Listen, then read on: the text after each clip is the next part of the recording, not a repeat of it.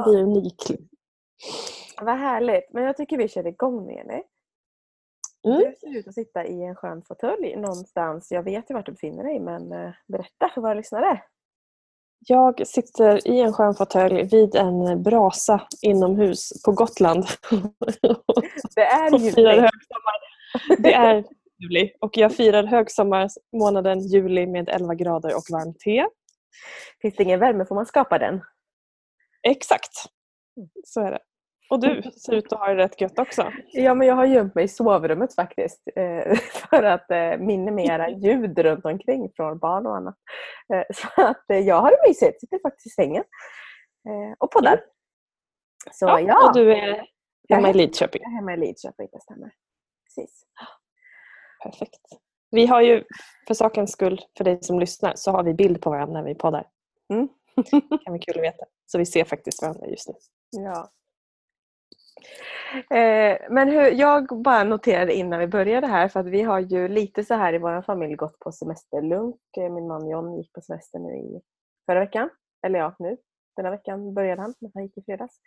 Eh, jag har ju, eh, är ju inne och jobbar så här en dag veckan eller en och en halv lite. Jag ska inte ens säga en dag veckan för det är två timmar.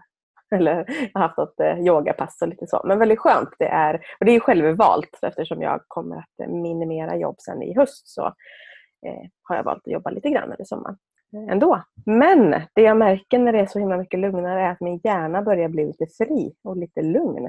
Och det finns lite mer space i hjärnan. Jag vet inte om du har hunnit uppleva det än, men det händer alltid för mig faktiskt när, när jag börjar koppla ner i alla fall. Det här att det inte går i spinn och kalendern är full utan det faktiskt börjar, ja, men kreativiteten börjar komma på något magiskt sätt bara av sig själv.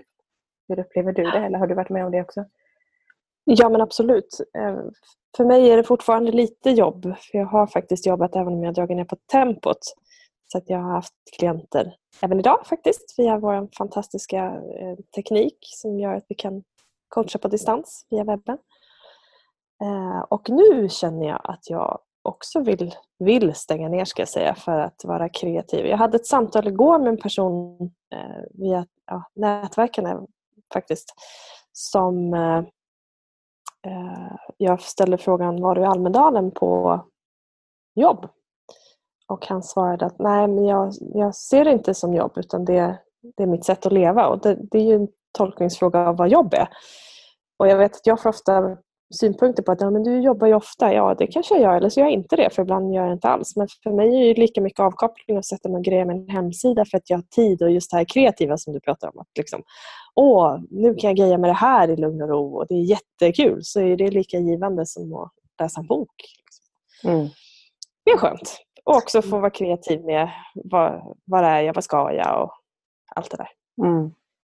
Ja, men det är gott. Det är jätte, jättehärligt.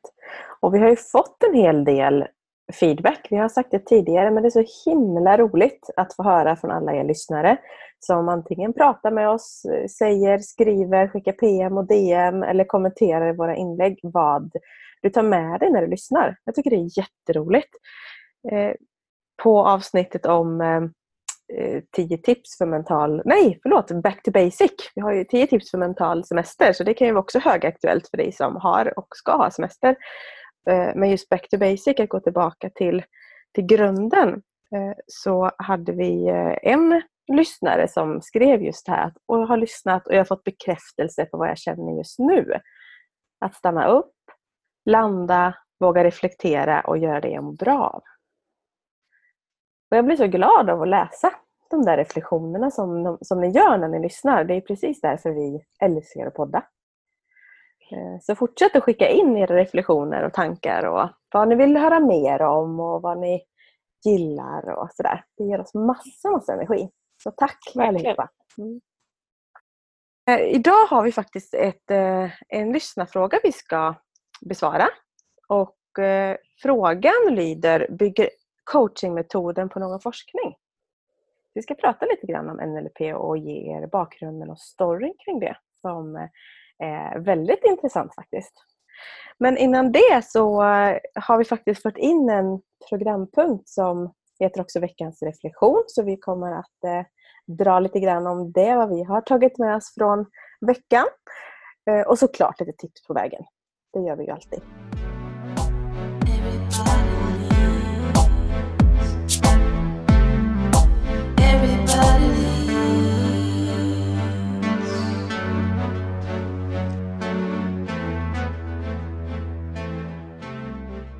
Vill du börja idag Sofia? Hur, ja, men jag hur tänker har din vecka det. varit? Det har varit eh, lugnt, eh, skönt och intressant.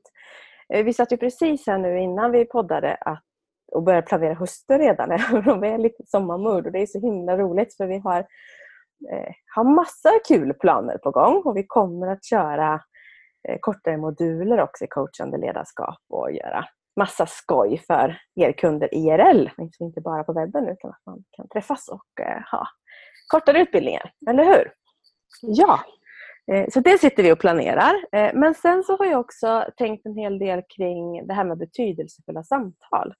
Jag vet inte om det bara är nu under semestern eller att vi får lite extra besök och sitter ner och kan prata och bara det här liksom att kanske prata om andra saker än bara det här förstår mig rätt när jag ser det ytliga, bara hur är läget bra, och så hamnar man inte mer än så utan kommer in på eh, mer saker. Och då hade vi häromdagen bara ett jätteintressant eh, samtal kopplat till ledarskapskurser faktiskt. Om att eh, våga öppna upp sig och den magin som händer när man faktiskt vågar eh, vara sig själv fullt ut.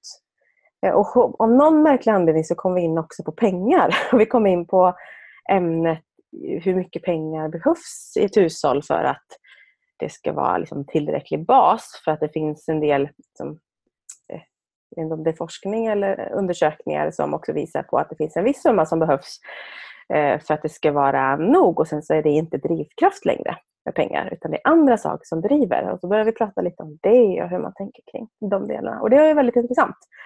Eh, och det fick ju oss att bolla lite här innan och vi bara inser att vi behöver nog ha ett helt poddavsnitt om det här. För att visst möter du också ganska många i coaching eh, när det kommer till förhållningssätt kring pengar. Mm, ja. Och, eh, trosuppfattningar kring vad pengar är och vad det gör. Ja, men verkligen. Och, och det är ju precis det som, som kan stoppa fast det egentligen inte behöver. Eller en tro om att det behövs mer. Eller varför gör jag det och vad, hur mycket och allt det där. Det, det är sällan fakta är kollat kring det.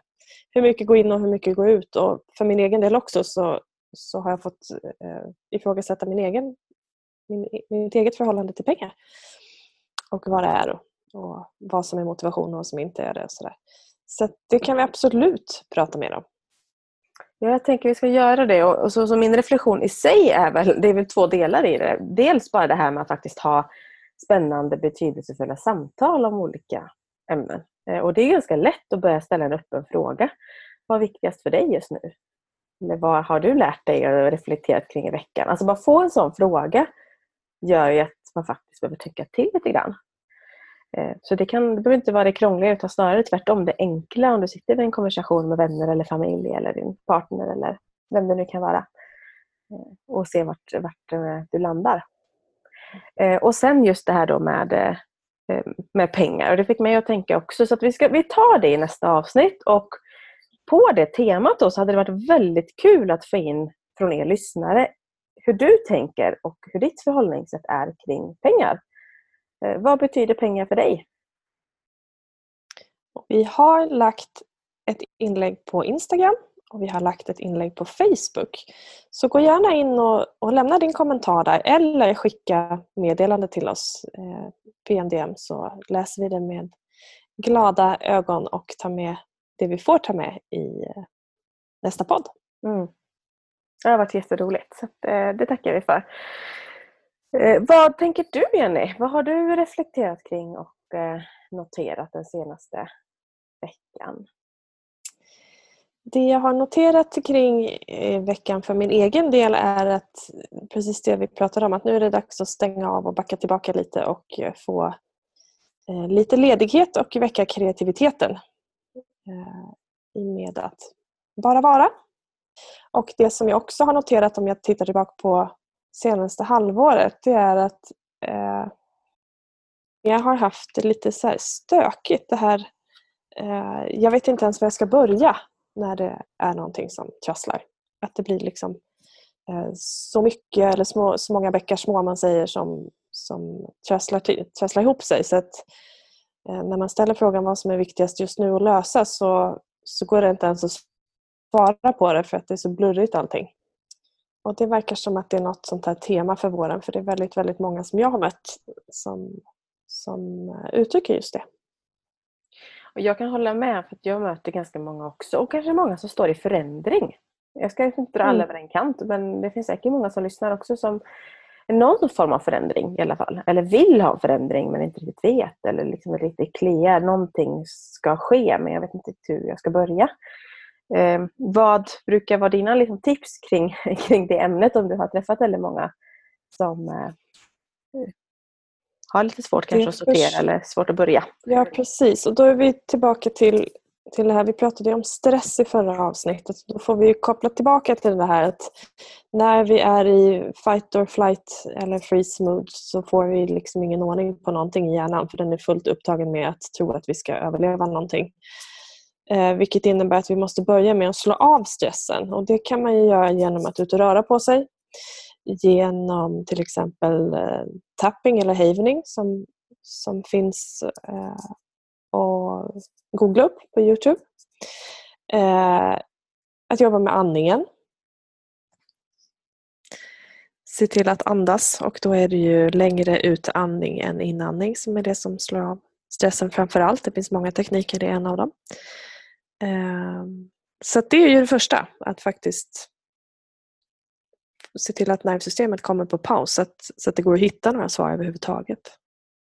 Det är ganska viktigt det du säger, just att det, det är det första du behöver som trycka på paus eller någonstans för det går inte att, att lösa någonting när det redan är liksom i spinn. Alltså du behöver Nej.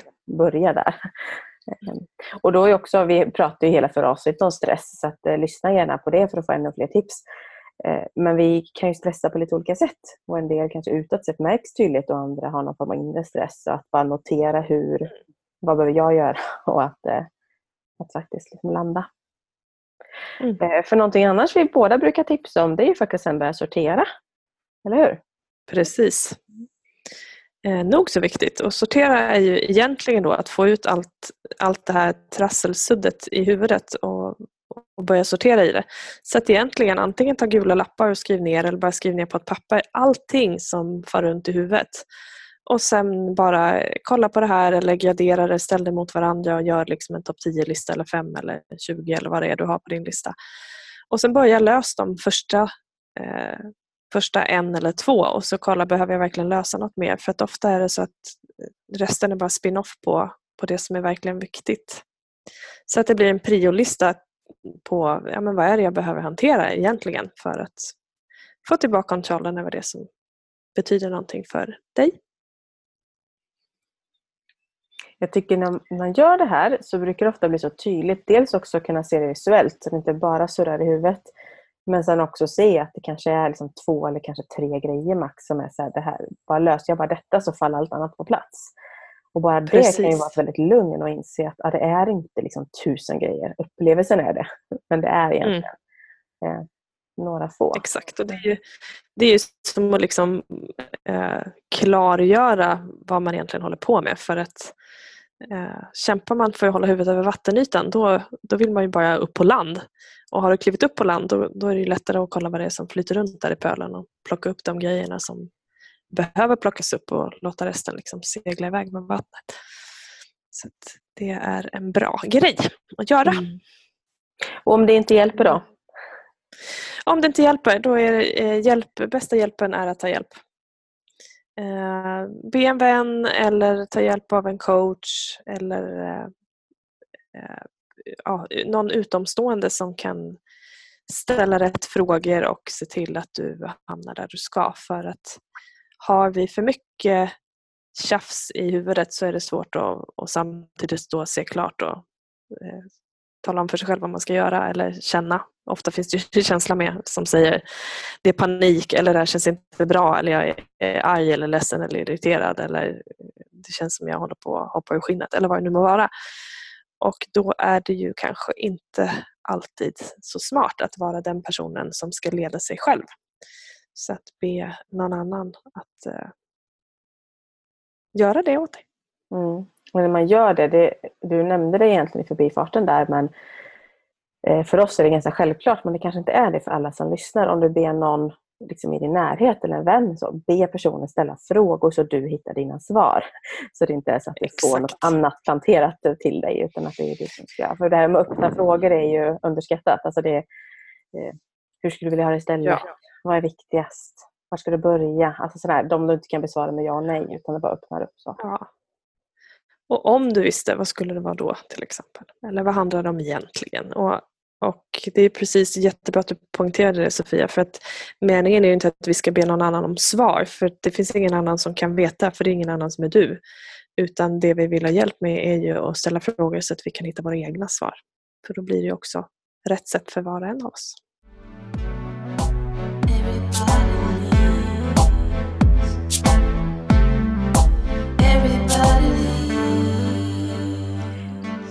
Då tycker jag vi går in på vår lyssnarfråga som vi har fått från Marie. Marie frågar oss, bygger coachingmetoden på någon forskning? Och Det är en jättebra fråga. Visst är det det. har vi pratat mycket om NLP och det ska vi också förtydliga vad det står för och ge lite storyn kring det. Men om vi börjar bara då, vad, vad tänker du Jenny kring, kring bygger coachingmetoden på någon forskning? Om vi utgår från att vi pratar om coachingmetoden NLP i det här, för att vi använder ju lite andra delar i det, men det är ju vår huvudsakliga eh, coaching, vårt huvudsakliga coachingverktyg. NLP står ju för neurolingvistisk programmering, alltså vårt nervsystem, neuro, lingvistiken som är språket och programmering egentligen hur vi är inlärda. Och eh, vad NLP jobbar med det är ju då hur de här tre kopplar till varandra, alltså mönster som vi återupprepar som antingen funkar eller inte funkar för oss alls. Och sen eh, är ju frågan då, finns det forskning på det här? Då är det så här att NLP härstammar från 60-70-talet av två män. De var amerikaner, eller är amerikaner, de lever fortfarande. Eh, John Grinder och Richard Bandler. Och vad man gjorde då eh, var att modellera, alltså studera personer som var riktigt, riktigt duktiga i sina yrken. Då som eh, till exempel Milton Eriksson som var hypnoterapeut, eh, Virginia Satie, familjeterapeut, vilket också Milton Eriksson var ska tilläggas, och Fritz Perl som jobbade med gestaltterapi. Och vad man gjorde när man modellerade var att kolla vad är det de här personerna gör som skiljer deras eh, personlighet från deras metod. Och så började man teckna ner det här.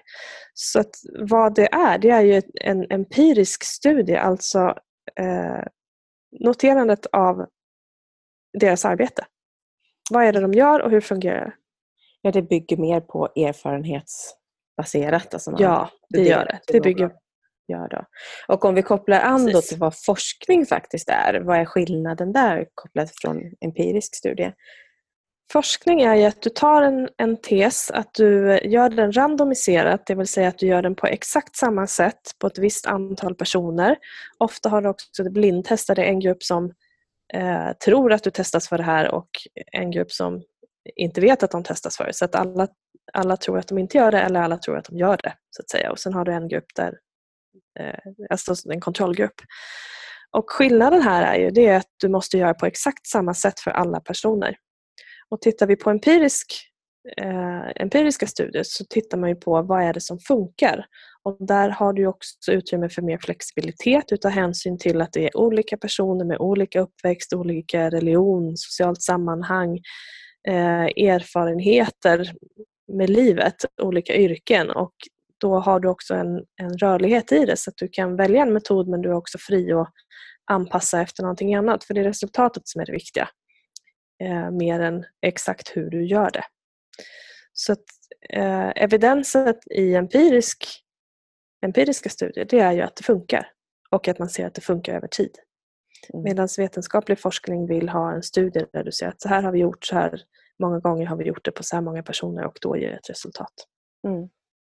Och nu vet vi inte exakt hur Marie då, som ställer frågan tänker när hon menar just forskning. Men eh, det är bara intressant att skilja på vad, vad de olika definitionerna är.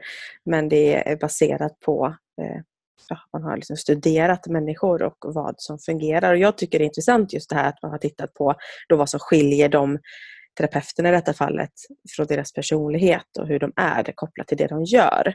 För det kan ju faktiskt andra kopiera. Mm, absolut. Mm. Och tittar man på eh, till exempel då kinesisk medicin som jag jobbar med också så är det ju också till stor del empirisk forskning. Eh, och den går ju rent krasst inte att göra randomiserat därför att skulle jag få in fem personer med migrän så är det personer med olika kropps, kroppskonstitution, olika matvanor, olika sömnvanor, olika vardagssysslor, olika erfarenheter. Allt det där måste jag ta hänsyn till vilket innebär att skulle jag börja använda exakt samma behandlingsmetod på alla de fem så gör jag en felbehandling.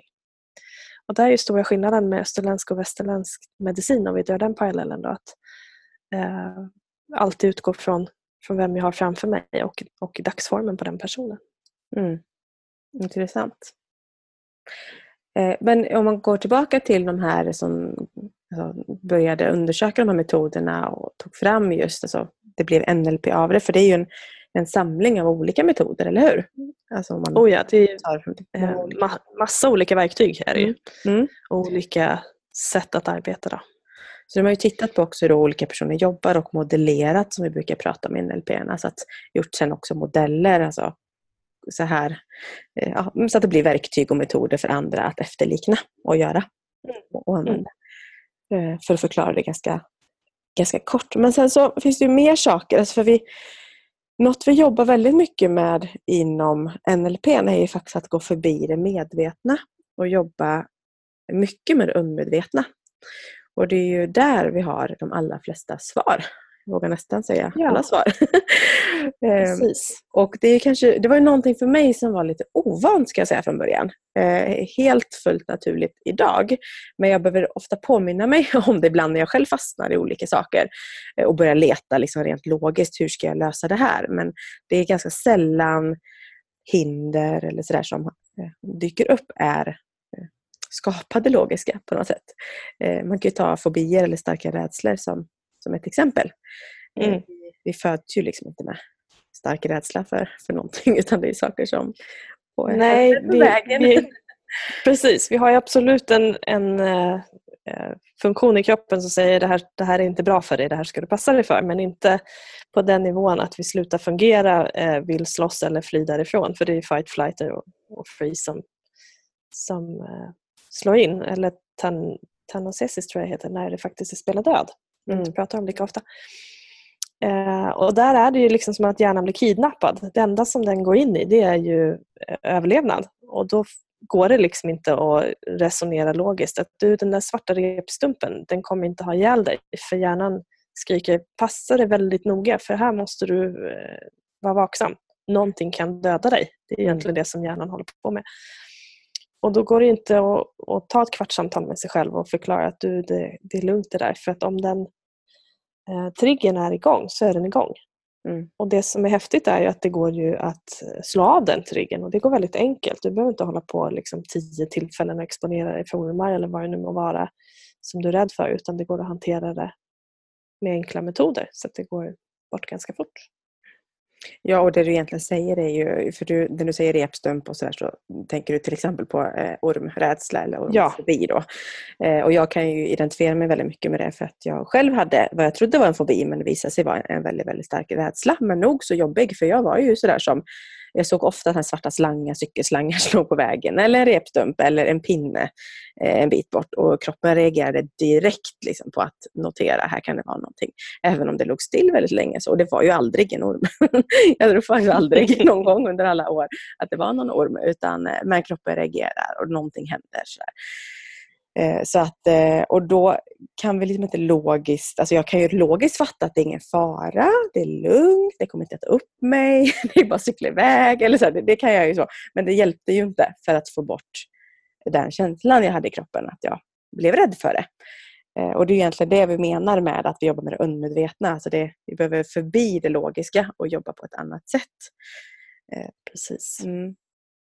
Och det som det, det, är ju det när vi får hinder, att hinder är inte skapade med logik. Det finns inget logiskt att tro till exempel om, om, eh, om vi dör något annat än, eh, fobier eller ormrädsla eller nu, vad det nu må vara. Att, eh, om vi är stressade på jobbet så är en vanlig del att vi börjar jobba mer och jobba fortare. Och då har vi inte kollat varför jag gör det här. Vad handlar det om egentligen? Vilket kanske underliggande är någon rädsla för att tänk om jag inte är kompetent eller tänk om jag får sparken eller tänk om någon kommer på att jag är fejk eller jag måste bevisa någonting. Det kan vara precis vad som helst. Så vad vi gör är att fortsätta det som vi tror eh, kommer ge någonting, det vill säga jobba mer tills dess att kroppen säger Hörru, det här funkar inte för nu behöver du också vila och balans. Och då går det inte att logiskt resonera sig till någonting som inte är skapat i logik. Därför det vi kan hantera logiskt av alla intryck vi tar in och det vi processar är ju så otroligt, otroligt liten del. Utan då måste vi jobba på andra ställen. Och det är det vi gör mycket med NLP bland annat. Det finns mm. många fler metoder. NLP är en av dem. Ja, vi jobbar också med att aktivera alla våra sinnen och koppla an mm. helheten. Eh, och, ehm, och när vi säger just det här nå till det undermedvetna så är det ju Alltså hur, hur, upplever du att responsen blir? Eller vet, förstår människor, där vi pratar ju som undermedvetet, vad är det? Eller alltså vi kan definiera det bättre för våra lyssnare. Ja, de flesta, eh, uppfattningen som jag möter ofta då, det är att vi är medvetna om att det finns någonting vi kallar medvetet och något vi kallar undermedvetet. Eh, sen vad det innebär brukar vara lite oklart men medvetet kan man säga att det är det vi kan hålla i huvudet utan att tappa bort någonting. Eh, jag kan till exempel se mina fötter bakom datorskärmen nu så de kan jag hålla koll på. Och några saker till men sen kan jag inte hålla koll på hur det känns att sitta i fåtöljen eller hur, hur håret känns i hårbotten samtidigt för att då måste jag släppa Eh, ett synintryck eller någon känsla för att jag kan inte hålla så många saker i huvudet samtidigt. Medan mitt undermedvetna kan hålla full koll på allting som sker runt omkring mig samtidigt och även det som sker i kroppen. För det löser den åt oss. Och behöver jag hitta den informationen så finns den. Och Det är också där det finns lagrat minnen och referenser, och värderingar och uppfattningar och identitet och allt det här som är mycket, mycket mer än det vi kanske funderar på varje dag. Och Det är det som vi, vi använder när vi säger att eh, vi har alla resurser vi behöver som är en av NLPs grundvärderingar. Eh, att det finns en tro om att vi har alla svar själva. Om vi tar reda på vad det handlar om egentligen och varför det är viktigt för oss. Och det är därför många av de enkla frågorna som hur skulle du vilja ha det istället? Eller vad handlar det om egentligen? Alltså det kickar ju hjärnan utanför det vi kanske medvetet går och funderar på. Så vi mm. Liksom tvingar oss att hitta nya svar eller nya lösningar. Eh, för mm. hjärnan vill ju hjälpa oss att hitta det som är bättre hela tiden. Precis. Det kommer automatiskt att ske.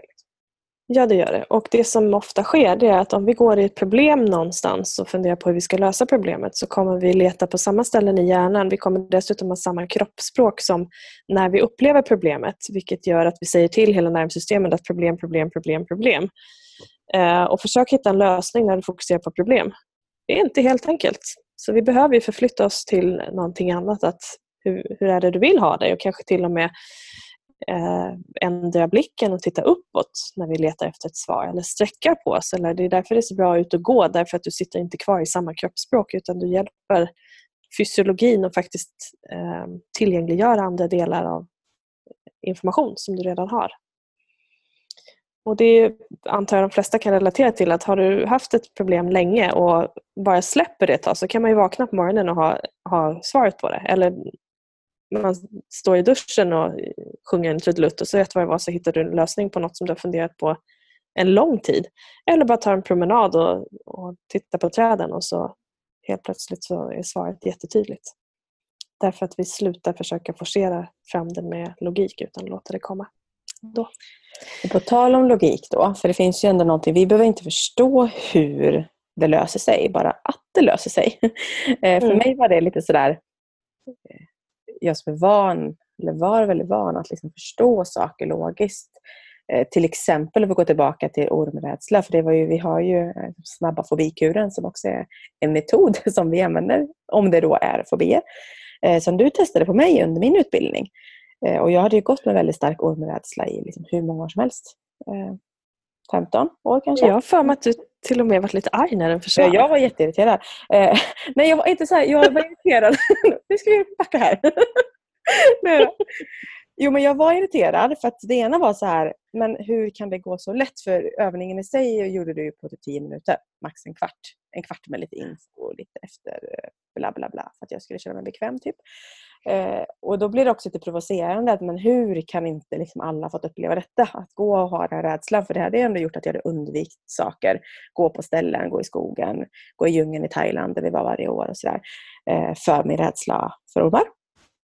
Eh, och, så jag var lite irriterad på att det kunde både gå så snabbt. Och framförallt så hann, hann inte logiken med. Jag kunde inte förstå hur Eh, Eh, ja, du, för du spelade upp en film kan man säga, eller jag fick spela upp en film i mitt, i mitt huvud eh, fram och tillbaka för att förklara metoden väldigt enkelt. Och, eh, det, det, det kunde inte logiken fatta och det är en typiskt exempel på att vi inte löser något som är ologiskt med logik utan vi löser det på andra, andra sätt. Och där kan jag idag landa i att jag behöver inte förstå hur det löste sig, bara att det gör det. Eh, men möter du det eh, ofta hos klienten när det blir sådär Ja, det gör jag. Det, ja, men precis. Den, den, första reaktionen, oftast då när jag träffar någon för första gången, är ju att det blir förvirring. Så det är jag jättenoga med att säga innan, att förvirring är ett tecken på att hjärnan eh, faktiskt förändrar och förbättrar, för det är så det är. Förvirring är också ett tecken på inlärning, kan ju vara bra att veta för dig som lyssnar, att det är normalt att känna sig förvirrad innan det landar. Så att den här förvirringen och kanske ibland som uppfattas som stress innan en tenta eller ett prov, den måste liksom finnas där i någon grad för att, för att det ska funka. Så att när du känner att du är förvirrad så lär du dig så fantastiskt bra så att du anar inte. Så kan du släppa stressen över det. Eh, så att förvirring är en del i att eh, utvecklas. Och det är jättevanligt. Det, det brukar vara det här att skämtsamt så kan vi säga att det ser ut som ljuset på ingen är hemma därför att man letar febrilt efter någonting att hålla i och förstå.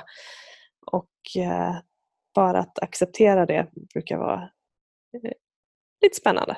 Mm. Och sen så köper de flesta det för att resultaten är det som är viktigast och då spelar det ingen roll. Det är lite som att eh, går vi med en sten i skon och plockar bort den stenen så glömmer vi bort att vi hade en sten i skon. Mm. Om du har en sten som skaver på insidan och plockar bort den stenen så kommer du inte tänka på att den ens var där tidigare. Men om vi har en sten i skon och börjar googla eh, hur hamnar stenar i skon, hur löser man stenar i skon, kan det finnas varianter på stenar i skon, då kommer den där skon ligga och skava. Det spelar ingen roll hur mycket fakta du, du letar eller hur mycket du försöker förstå att den är där. Det kommer inte ta bort den. Och Detsamma är när vi har liksom något som skaver på insidan. Det spelar ingen roll hur mycket fakta du, du läser på om den. Eh, om den fortfarande är kvar och triggar utan då behöver vi hjälp att ändra om den kopplingen. Om vi kopplar tillbaka till NLP så handlar det om hur nervsystemet och språket är kopplat i programmeringar eller inlärningar och om vi då har ändrat den kopplingen så kommer inte den trigga på samma sätt som tidigare utan det kommer finnas ett annat alternativ eller flera. Vilket innebär att den där eh, ormen som tidigare var läskig, eller repstumpen då, kommer inte trigga för att du kan hantera det på ett annat sätt. För att det finns ingenting som säger att här måste du fly. Eller det kommer inte vara så att du behöver prestera mer på jobbet för du vet att du duger som du är och det här är rimligt med den tiden som finns. Du vet att det här är vad du hade förväntat dig av dig själv eller någon annan och då behöver du inte tävla med något som inte finns till exempel. Så det är som att få en ny fil i datorn. Liksom. Att tidigare hade jag all information i en fil och nu kan jag gå in och hämta information i en annan fil eller två andra filer eller tre och så kan jag välja att göra på ett annat sätt. Ja, livet blir väldigt mycket enklare och det ger fler valmöjligheter och det bättre. Det är väldigt skönt. Ja, och eh, kopplat till min sån här lite irritation vid övningen med ormfobikuren där så var det nog, jag köpte allting under utbildningen i sig och köpte nog det här också, alltså för jag upplevde skillnad. Men det var väl den övningen jag ändå kunde så här, jag behöver testa av den eller någonstans här, jag, jag kunde förstå på något sätt att det hänt någonting. För det kunde jag ändå uppleva. Eh, men det var faktiskt ett halvår senare sen jag var i Thailand ser mig stå på liksom en altan och ser en orm på taket på andra, andra huset och bara ropar till John så här, kom och kolla! Så han älskar ormar. Och jag har annars fått honom att typ hålla sig så långt ifrån alla former av ormliknande ting som det går. Och inser då, eller det var nog han som bara, står du här och kollar på en orm? Liksom. Eh, jag bara, ja just det, det gör jag. Eh, och det betyder inte att vi ska ha dem omkring oss och gossa med dem, för det är ju fortfarande i min logik att det, behöver jag inte ha. Men jag har inga problem att se en repstump idag och kopplar inte an det till att det kan vara någonting farligt eller att jag reagerar. Och det är väldigt skönt att det underlättar livet väldigt mycket. Ja, det kan väl tilläggas med fobier också att det är faktiskt inte så eh, att det är nödvändigt att tycka att det är härligt att ha spindlar eller ormar eller någonting eh, krypandes på oss för det är faktiskt inte normalt. Eh, utan det som är är att du ska kunna hantera det, att det ska gå att lyfta ut en spindel eller flytta på det om det kommer en orm eller vänta tills ormen har dragit förbi. That's it. Inte att vi ska bli bästa kompisar och ha dem som husdjur. Liksom. Det, det finns de som tycker om det också, med all respekt. Eh, för att vi är olika. Eh, jag är inte en av dem. Mm. Och för att runda av lite grann och kanske koppla an väldigt tydligt till det här med logik så har ju du ett ganska bra exempel där du brukar ta det här med att vara kär. Vill du avsluta Ja, det? precis. Det vill jag absolut. Eh, I det här med, med forskning och vetenskap i all ära så vill jag bara ställa frågan till dig som lyssnar om du har varit kär någon gång. Och jag utgår från att svaret är ja, för det har vi passerat eh, inte så många år så brukar vi ha en uppfattning om vad kärlek är. Och min nästa fråga är då, kan du beskriva det vetenskapligt och logiskt hur det fungerar när du blir kär? Eh, var känslan sitter i kroppen, hur du vet att det startar, hur du vet att det fortsätter. Och eh, jag vill påstå att det finns inte en formel för, för, för alla. Det finns en formel för var och en av oss om vi verkligen skulle forska men jag har inte sett någon vetenskaplig forskning på hur kärlek fungerar, var den startar och var det kommer ifrån. Men vi vet alla att den finns och att det funkar. Så vetenskapen visar mycket, men kanske inte alls. Neuro, eh, neuroledarskap och neuroforsk, neuroforskningen då, kring det eh, beskriver det som NLP pratat om länge, till exempel då med våra sinnen, användningen av det och även Eh, begreppet som vi kallar rapport, alltså hur vi bygger våra relationer. Så det är också härligt att se att vetenskapen kommer ikapp där. Att det finns substans för det som också är empiriskt framtaget.